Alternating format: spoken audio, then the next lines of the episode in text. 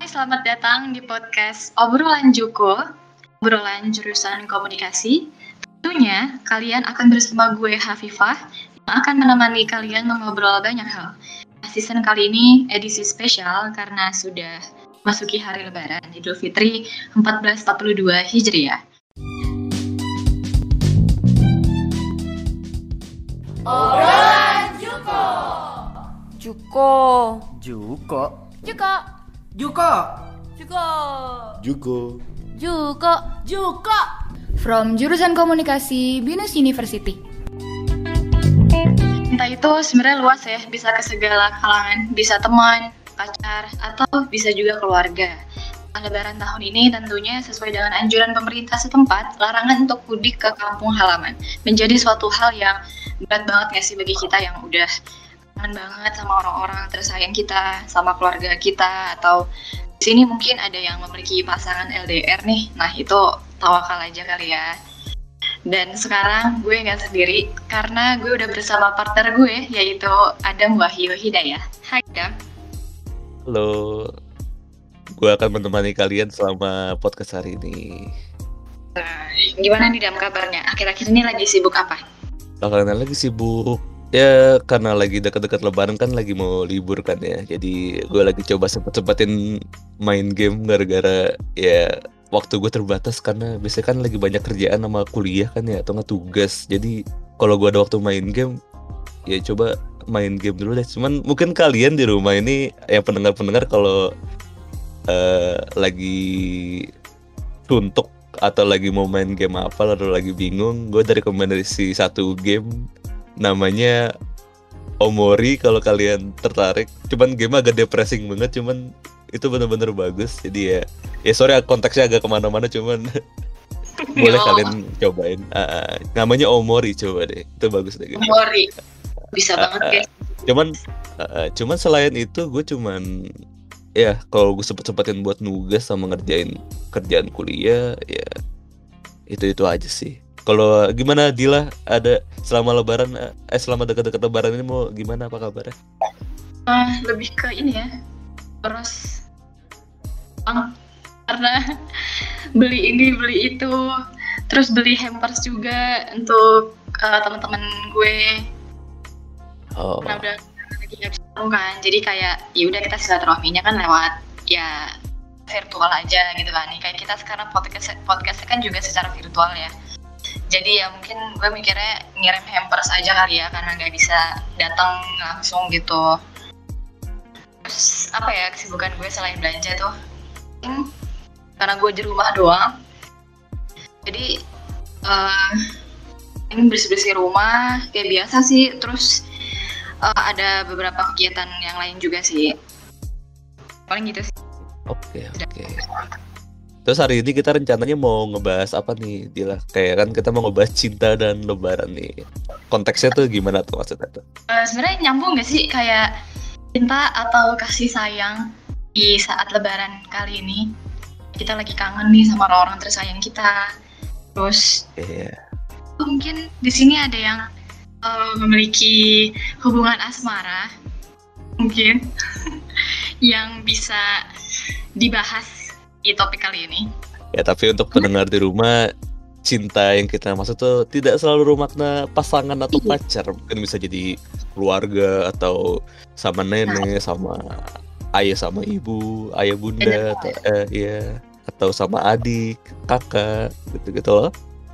Jadi ya jadi apa kita hari ini kedatangan bintang tamu eh, Dila berdua doang. Nah bener dam kita kedatangan bintang tamu. Tapi sebelum kita undang bintang tamu kita ini ada salah satu kru kita yang mungkin udah ada yang dengar uh, di episode kita yang pertama yang mungkin ingin lebih dekat dengan kru podcast obrolan Joko.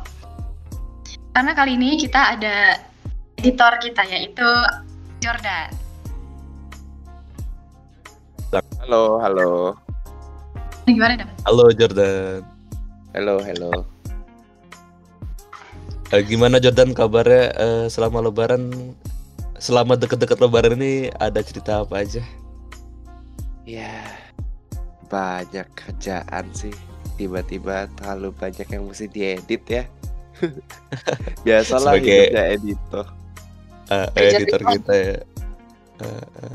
Jam tidur kita tergantung dengan klien. Bener-bener. Jadi belakangan ini sibuk ngedit dan ngerjain kerjaan aja lah ya. Iya, lebih ke situ sih. Soalnya gue juga tidak menghayakan kan, tapi ya gue nge-support sih tetap teman-teman gue yang ngehayain gue kayak selamatin segala macam. Hmm, hmm, hmm, hmm. Tapi yang gue lihat di Instagram lo nih Jordan, sibuk dance. Jordan ngedance dan sibuk ngedance. Iya, salah satu profesi gue sih kan jadi dancer juga. Sik. Sebagai siapanya nih pelatihnya atau masih belajar ya? eh kalau sekarang sih sempat ngelatih tapi karena online ya jadi agak susah latihan online gimana sih latihan dance online Gede jadinya ya. Tapi Jordan eh, dance ini biasanya buat di acara apa nih atau gimana tuh? eh biasanya sih kadang gue ikut lomba kadang ikut acara tergantung sih. Semuanya sih gue ikutin kayak kalau misalnya ada lomba gue ikutin kalau ada yang ngundang guest star gue ikutin. Hmm, atau kadang juga kan eh Pertivian butuh talent gue juga ikutin talent untuk jadi talent mereka gitu. Eh, teman editor kita multi talent ya, iya dan wah selain editor dia back dancers juga ya. Keren juga. ini kita kedatangan tamu nih. Tanya nih dengar-dengar uh, salah satu pasangan kekasih dari kru podcast obrolan Juko nih. Oh, waduh. Siapa ya? Kita panggil aja deh ya.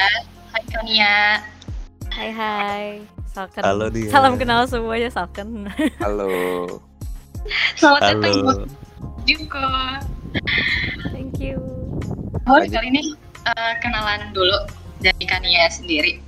Oh ya boleh. Aku Nia dan aku dari aku agak aku sayangnya bukan bagian dari uh, circle binusian. Aku dari Unpad dan sekarang lagi skripsian. Doain ya guys. Oh. Semangat semangat dia. Jurusan Um, apa nih kak? Oh, aku jurusan jurnalistik BTW. Kalau ini kan komunikasi ya. Kalau aku pengerucutan dari komunikasi. Oh kita juga jurnalis ya? Oh iya. Iya, oh, kita Oh iya ya udah jurnalis. udah ini ya, udah apa sih? Udah ngambil Jurus. peminatannya itu ya? Eh, peminatan apa sih? Penjurusan. Penjurusan bukan Iya. peminatan. Kayak SMA aja. sorry, sorry. kalian jurnalis ya Iya, Iya, oh Jordan jurnalistik. gitu ya. Jurusan Oh oh iya, iya. Jordan. Iya. Nah, gue kan. yang berbeda kenapa kita lahir berbeda Jordan itu dia ambil apa Podcast. namanya? Eh, creative Broadcast. design thinking Kreatif Ya, kreatif broadcasting. design. Nah, Kalau kalau gue sama Dila itu dia ambil jurnalistik broadcasting uh, penjurusan dari komunikasinya Binus. Sih. Jadi kurang lebih kita di fieldnya yang sama lah. Ya betul. Ya same same different. Tapi Kania lagi sibuk ini ya skripsi ya karena udah di semester akhir. Mm-mm. Tapi sibuk tanda kutip sibuknya mah itu doang sebenarnya mah. Sibuk Selama selama deket-deket lebaran ini uh, ada cerita apa nih? Kayak hal-hal ada menarik. event tertentu kah atau apa? Em, sebenarnya sih dari awal aku pandemi ya jujur-jujuran aja nih aku bener-bener nggak ngapa-ngapain banget ngobrol sama orang juga nggak ke mana-mana juga nggak udahlah rebahan aja palingan eh, kalau baru-baru ini banget yang bener-bener deket lebaran aku baru rescue kucing. Nggak tahu kucingnya kenapa pokoknya dia tidak ternyata tidak bisa pipis dengan baik dan kakinya jelek. Bukan maksudku jalannya dia susah jalan gitu lah pokoknya kayak kaki belakangnya tuh goyang-goyang gitu kes, eh, jelek lah pokoknya. Terus aku bawa ke dokter hewan akhirnya ngantrinya cukup lama cuman udah sih dan dibilangnya semenjak di obatin itu dibilang empat hari lagi harus eh, balik lagi ke dokternya. Cuman kan ini udah hari kedua aku sama kucingnya. Dan dua hari Hmm. lagi kan lebaran ya. Terus aku mikir gimana ya aku ke dokternya. Udah sih gitu doang. Emang kucingnya sakit apa dia ya kata dokternya? Eh, kurang tahu deh. Pokoknya karena dia gak bisa pipis dia ditaruh di dia dipasangin selang gitu namanya kateter buat di eh, tempat eh, dari lubang pipisnya gitu supaya ada cairan aja eh, keluar terus gitu. Cuman aku juga nggak ngerti sih sebenarnya sakitnya apa. Makanya nanti empat hari lagi kalau emang udah nggak masalah di pipisnya dia bakal ya di, di- baru kita eh, pikirkan lagi dia eh, dicek lagi diperiksa lagi itu sebenarnya kakinya bener-bener ada masalah atau betul dibiarin aja supaya nanti sembuh sendiri atau semacam Eh, kita harap kucingnya yang kamu selamatin tuh baik-baik aja ya. thank you Ke kesian juga sih, tapi ya mungkin ah sehari setelah lebaran bisa dibawa, tapi nggak tahu apa eh, emang toko hewan toko dokter hewan gitu bukan nggak sih setelah Ramadan? ya itu dia. Takutnya dianggapnya hari libur terus dia tutup ya? Bingung ya?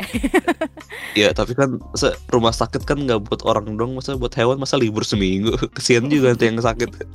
Nanti angka kematian kucing bisa meningkat selama lebaran. nah itu dia. Nah itu dia. Paling katanya sih bisa sih pakai perjanjian cuman aku belum coba kabarin sih nanti pak Oh iya kan bisa bikin janji dulu gitu mungkin kali ya. Hmm. Ya udah semoga kucingnya tidak apa-apa. Tapi bicara soal kucing, kamu kucing cuman emang udah pernah ngerawat kucing sebelumnya? pernah sih eh, pas masih berkuliah dengan normal aku ngin aku kuliah di Unpad dan harus nginep harus nginep harus ngekos maksudku harus ngekos karena Mm-mm. aku orang Jakarta kan Eh, aku ngekos di sana di sana juga sempat ada kucing yang aku pungut karena sakit juga ya aku tinggal dia udah sehat sih jadi harus Jadi untuk disclaimer teman-teman atau pendengar di rumah, kita kan ngebicarain mengenai cinta dan cinta kan nggak selalu berbentuk eh, manusia, tapi bisa juga dengan binatang. Jadi ya kita ngebahas hewan-hewan juga kayak asik-asik juga gitu loh. Ya benar. Eh, terus kalau untuk saat ini eh, masih ngerawat kucing yang sama atau gimana? Em, enggak sih. Eh, waktu itu pas aku pengen pindah dari eh, karena pandemi aku memutuskan untuk berhenti ngekos dan tinggal di rumah aja karena nggak usah ada keluar biaya tambahan lumayan. Udah jajan. Eh, ya udah. Cuman pas aku pengen pindahan itu kucingku aku nggak tahu dia hilang ke mana. Jadi ya, Iya. mungkin su- antara sudah diambil orang atau sudah eh, atau sudah menemukan tempat yang lebih baik atau semacamnya ya semoga saja dia baik-baik saja. Cuman terakhir aku ketemu dia sih dia kucing yang super sehat dan sangat bagus bulunya dan dia jinak banget. Jadi harusnya ada yang ngambil sih. Harusnya ya semoga aja ini. Semoga saja ada yang ngambil lah ya. Oh iya terus tambahan dia juga sudah di steril jadi nggak bakal beranak atau diperanakan eh, sudah apa living her life lah ya. lengkap lah udah aku vaksin udah aku eh, kasih flu shot gitu gitu lah udah udah paket lengkap deh tuh kurang rabies aja lupa akunya hilang duluan Eh, eh, sehat banget ya kucingnya. gendut Gendut lagi. Oh gendut. semoga aja tapi dia baik-baik Cuman sekarang lagi nggak miara kucing atau gimana? Untuk saat Nah, ini. kalau kucing yang tadi sakit itu dibilangnya dipiara ya bisa. Ah, tapi ada kucing yang lain juga sih cuman yang apa cuman itu di paling utamanya diurus sama kakakku ada nama kucingnya Thomas. Thomas ini Thomas ini kucing yang berbeda sama kucing rescue itu.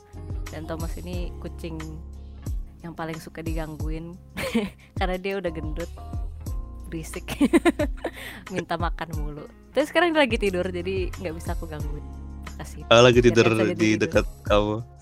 Nggak tidurnya di kamar kakakku Oh, eh soalnya aku juga punya kucing di rumah. Dia kayak campuran Anggora sama Persia gitu. Bulunya tebel banget terus sekarang gara-gara dulu dia sempet kurus, cuman sekarang dia lagi banyak banget makan dan dia gendut banget. Dan gara-gara dia gendut banget ya itu udah udah congki gitu, terus bulunya tebel, itu udah kayak apa sih istilahnya? Bola bulu nggak yang gede banget kayak bantal jalan. Oh bukannya ada bukannya alergi kucing? Eh iya, ini untuk- pendengar di rumah tuh, aku tuh sebenarnya alergi kucing. Cuman aku suka banget sama kucing jadi hidupku agak kontradiktif gitu gak sih? Iya. Iya, tapi ya bersin-bersin. emang aku belakangan ini emang suka banget bersin-bersin sejak aku punya itu kucing. BTW namanya dia Channel, cuman aku suka manggil dia Seno gara-gara eh, aku dulu punya pembantu orang Jawa gitu yang suka bantu-bantu di rumah. Dia emang nggak bisa ngomong bahasa Inggris banget gitu kan. Dan ketika dikasih tahu namanya Channel, oh si Seno ya Seno. Oh ya udah aku panggilnya Seno ya gara-gara lucu kan. ya nama dia Seno dan bulu dia tebel dan ya si Seno ini ud- udah gendut, bulunya tebel, sering banget bikin aku bersin-bersin dan nggak apa-apa sih tapi dia companion yang sangat setia gara-gara mau aku tugas, mau aku tidur, mau ngapa-ngapain dia di sebelah aku mulu minta disayang-sayangin gemes banget Jadi Eh. guling atau bantal gak? sering-sering aku suka dijadiin bantal kadang walaupun dia suka marah-marah sih kalau dijadiin bantal emang Gak apa-apa. Kadang-kadang Eh, suka gitu. Padahal kan dijadiin bantal itu salah satu bentuk kita nyayangin kucingnya ya. Eh, Marah-marah kucing. Eh, mus- galak banget kucing kalau dipegang-pegang segala macam memang. Oke, eh, eh, untuk kucing ya seperti itu. Ini Jordan gimana? Jordan gimana suka sama kucing gimana dong? eh eh, nggak apa nggak apa sih kan ini kan bentuk dari cinta kita juga sama hewan kan. Jadi maksudnya eh, Nia juga baru-baru ini menyelamatkan hewan yang lagi sakit dan kupikir itu cukup ya untuk pendengar mungkin kalian bisa coba tiru-tiru atau berilah simpati ke kucing-kucing di sekitar kalian gara-gara mungkin kalian tidak tahu kalau ada kucing yang sakit di dekat kalian jadi perhatikanlah binatang sekitar kalian nah tapi untuk Jordan nih Jordan juga suka hewan atau gimana ada peliharaan di rumah Peliharaan sih apa peliharaan? Gue memelihara diri sendiri sih. Tuh, Eh bisa gue lah. sih nggak ada peliharaan sih. Tapi dulu Eh. pernah sempat punya kayak anjing dan kelinci, hamster segala macam. Oh terus juga sempat punya aku juga kelinci punya kucing. Eh aku juga punya kucing. Eh, juga- aku juga punya kelinci sekarang. Ya, Ah, kamu juga punya kelinci Eh, iya, dia lebih Kelinci. tua dibanding kucing-kucing yang ada di sini. Ya tapi dia kelinci lah. susah banget dirawatnya. Masa sih? Kelinci rapuh, rapuh banget kelinci. Kelinci, iya emang agak rentan. Dulu juga gue sempat pernah melihara. Susah banget. Ini aku Iya. kedua kalinya aku miara kelinci. Dia aku piara dari SMA dan aku udah mau lulus kuliah sekarang berarti udah 4 tahun. Kelinci Wow. aku yang sebelumnya aku rawat selama enam tahun. Wow. Itu Oh, Masa susah sih? susah susah. Tapi apa ya? Sejujurnya emang orang-orang yang aku kasih tahu kalau kelinciku umurnya pada panjang pada kaget juga sih. karena memang kayak rawatnya itu kayak butuh telaten gitu Iya. loh. ya sesungguhnya nggak tahu ya. Cuman kalau kelinciku sebenarnya diperhatiin banget juga enggak, digendong-gendong juga enggak, dikasih makan seadanya, dibersihin kandangnya dua minggu sampai tiga minggu sekali dan masih hidup. Emang udah Berarti emang strong. udah jodoh gitu. ya mungkin memang biasa ngerawat hewan atau gimana kali ya aku nggak ngerti juga deh. emang kalian berdua merah kelinci berapa lama hidup Ini nggak nyampe bulan Iya betul. mati. Entah yang kepalanya oh Jordan Jordan juga sampai sebulan tuh mati Iya betul. Kita satu nasib ha. Iya Eh, rata-rata juga- temenku juga aku, aku denger kayak gitu tuh aku pikir kalian ngapain? Mungkin ini kali ya uh, lingkungan di sekitar rumahnya. Kalau misalkan di sini kan gue karena daerah Bogor yang deket sama hutan bambu, banyak ular segala macam. Oh, Jadi bisa. Banyak predator gitu loh ya entah entar anaknya besok kepalanya hilang atau kepalanya doang ya itu tuh udah paling sadis. gitu. Jadi kayak mikir Udah kayak horor ya. ya. itu kelinci apa Tarzan? Tapi sedih banget cuy gimana ya? Maksudnya jadinya mending gak usah melihara deh daripada ntar nyiksa mereka gitu kan. Iya iya. Ya udah melihara yang lain ya itu. Ini ya adanya sama sama ayam. Ayam lucu sih. Eh, Tapi ayam berisik. aw, ayam awet eh, petok-petok mulu. Tapi mereka makannya banyak banget Hmm, Nah kalau Jordan matinya kenapa tuh? Kalau gua waktu itu gara-gara Oh, waktu itu pas gaji kan gua ngekos. Terus gua titipin eh, kelinci gua di ceweknya gua kan. Gua kasih gua sih emang kelincinya gua Hmm. kasih ke cewek gua.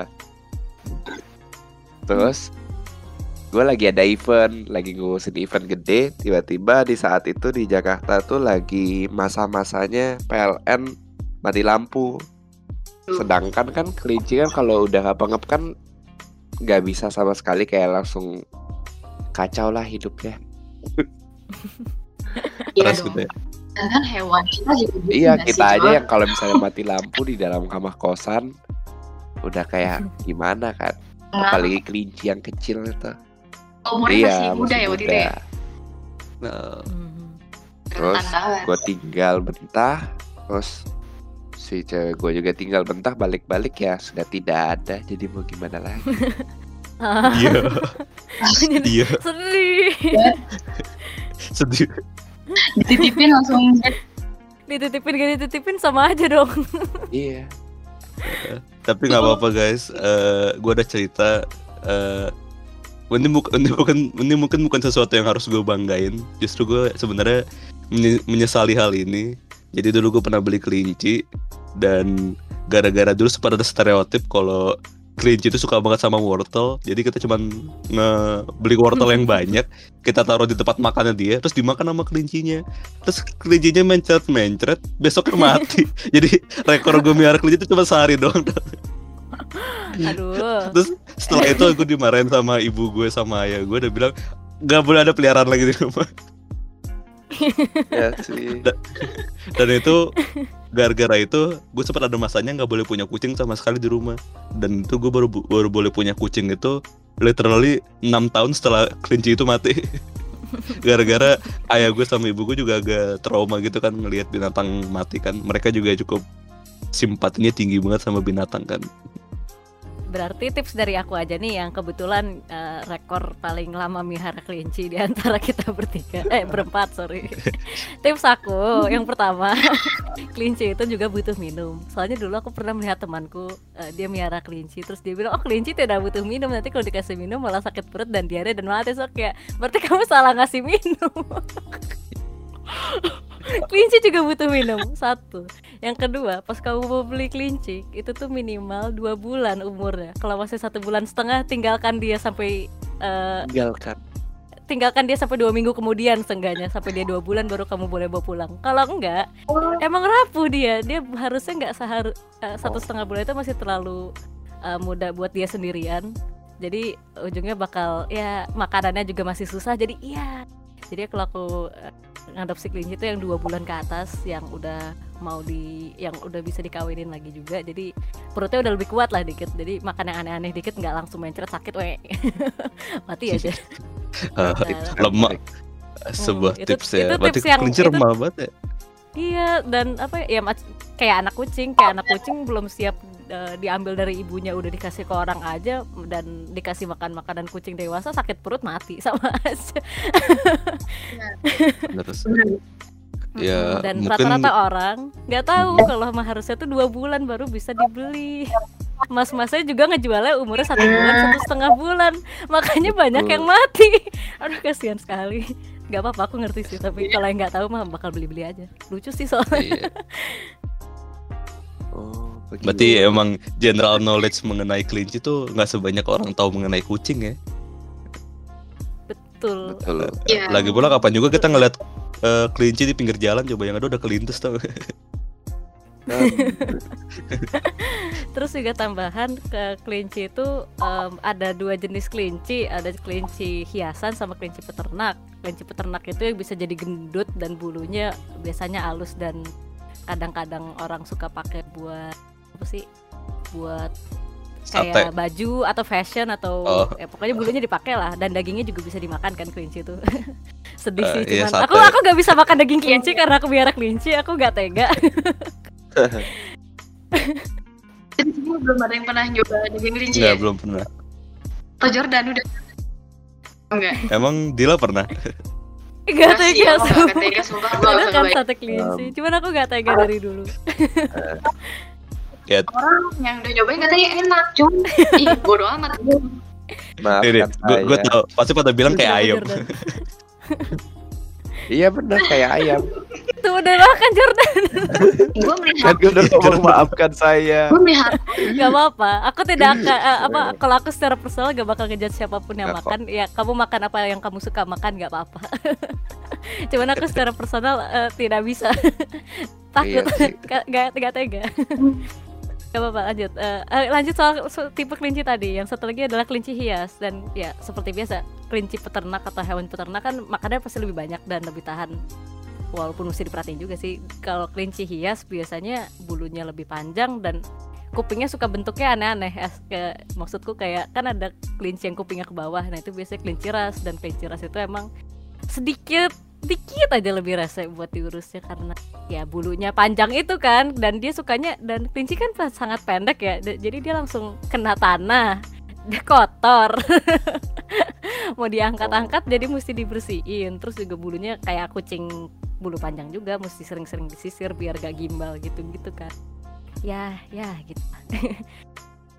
Udah sih nggak sa Heeh, sama kalau makanan kelinci tuh kasih pelet aja juga dia udah bakal bahagia seumur hidupnya. Gak usah dikasih sayur-sayur Kalau mau dikasih sayur Kasihnya yang udah layu. Soalnya emang eh, Perutnya kelinci itu tuh Sensitif sama terlalu banyak air. Jadi kayak kalau emang kamu kasih dia minum Kasih makannya pelet aja. Dan kalau ngasih makanan Kalau mau sayuran yang seger Sesekali aja. Kalau sering-sering udah pipis bau Dia bisa mencret juga. Jadi udahlah hindari aja. Hmm, kalau mau dilayuin nggak apa-apa kalau dilayuin. Nah, itu kan- kan jadi airnya udah menguap kan. Ah, kalau dari yang aku tahu sih. Iya iya iya iya. tips Nah, aja buat bicara- kalian yang memikirkan untuk eh. melihara kelinci selama pandemi ini. Eh, Sendiri deh, basicnya itu sih yang eh, biasanya ke mana sih? Ke Hmm, daerah mana? sebenarnya Gitu. kalau aku lebaran tuh paling jauh ini kan ini kan pandeminya udah satu tahun lebih ya. Jadi em, tahun lalu juga kondisinya nggak berjauh lah sama sekali. Em, dan ya aku cuman ke rumah nenekku.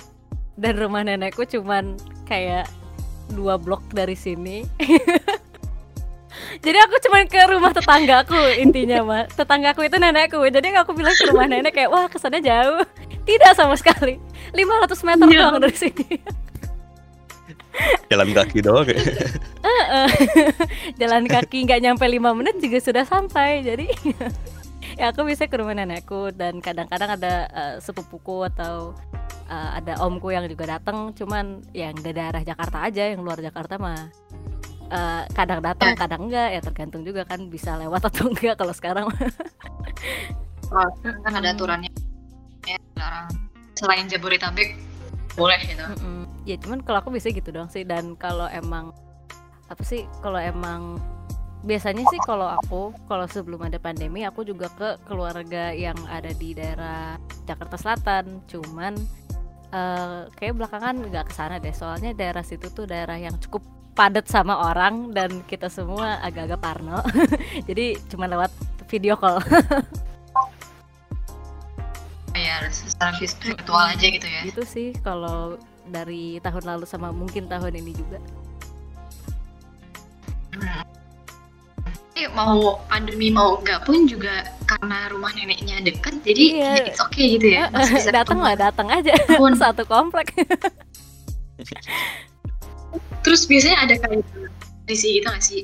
Uh, ada ada sungkeman lagi lebaran Hmm, gini. enggak sih cuman kalau yang bikin lebaran itu spesial buat di keluarga aku sih keluarga besarku maksudku eh, selalu masak maka- masakan daerah. Soalnya aku tuh eh, keturunan Bugis Makassar. Eh, dan ya dan makanan-makanan dari Makassar itu semuanya ribet dibikin. Kayak capek gitu. Jadi itu tuh makanan di hari-hari spesial doang macam ada hari kurban eh, Idul Adha sama Idul Fitri eh, Lebaran jadi selain dua hari itu gak bakal bikin makan makanan daerah Makassar karena capek dan lama dan rese bikinnya Hmm. Rasanya enak loh. jadi contoh Soto Makassar, terus ada berbagai macam makanan daerah yang lain. Cuman favoritku ada namanya cabu-cabu, bukan sabu-sabu, bukan sabu-sabu yang bukan sabu-sabu yang bubuk yang putih itu bukan, bukan sabu-sabu yang di yang dibakar itu juga bukan. Ini cabu-cabu itu dari ikan dan kayak abon gitu. Pokoknya dan biasanya warnanya kuning atau coklat gitu sih. Pokoknya dia mirip abon dan dia dimakan sama namanya gogos. Gogos itu ada macam lontong, cuman dia lebih lengket dari kayaknya dari nasi ketan deh. Ya dia dimakan sama nasi yang sama lontong yang super lengket itu dimakan sama cabu-cabu itu eh, kedua favorit aku selain soto Makassar. cuman orang kalau di luar eh, eh, kalau di luar orang Bugis mah biasanya nggak pernah denger makanya aku jelasin. Iya, aku udah asing Iya. gitu. Nggak Emang Iya. makanan-makanan Makassar tuh eh, enggak terlalu banyak dikenal selain cotonya. Tapi makanan Enggak. lebaran yang kamu paling incer nih atau enggak kalau- kalau lagi ke rumah nenek tuh biasanya apa tuh? Hmm, tahu aja. Hmm. Jadi ada ada ada eh, makanan manis eh, yang cuma nenek kodang bisa bikin karena dia bener-bener harus dibikinnya tuh. eh, kalian pernah dengar kopi dalgona nggak? Iya. Iya pernah pernah. Itu kan Iya. dikocoknya pakai tangan ya, terus-terusan sampai dia eh, berbusa foamy yang eh, creamy gitu kan. Nah, Ah. dis- eh, da- dan makanan manis ini dibikinnya dengan cara serupa, cuman langsung bikin kayak satu loyang kue. Jadi dia tuh namanya eh, kue puding busa aku bilangnya. Dia tuh rasa nutrisari jeruk sebenarnya, cuman ya karena dia puding busa, aku nggak tahu kalian pernah nyobain atau enggak. Pokoknya dia tuh kayak puding, cuman teksturnya kayak kue biasa alias ada eh, ada bagian pokoknya dia fluffy cuman dia puding. Gimana tuh jelasinnya? Itu su- itu itu makanan paling enak yang pernah aku makan seumur hidupku. Kayak dessert yang lain tuh mungkin juga ada yang enak cuman kayak yang ini tuh special edition karena cuma nenek udah bisa bikin dan nggak ada ibu-ibu lain atau nggak ada bapak-bapak lain atau nggak ada anak-anak lain yang mau berusaha melanjutkan resep ini karena capek gocoknya kayak dalgona Heeh, dan dia harus konstan dan dia nggak bisa pakai mixer sama sekali karena kalau pakai mixer nanti eh, busanya kenapa terlalu ke- malah jadi terlalu apa gitu aku lupa. Diceritain sama ibuku pernah cuman kayak ya pokoknya itu makanan paling limited edition dan nggak ada yang jual. Aku nggak tahu ceritanya gimana kalau mau main ke rumah sok atau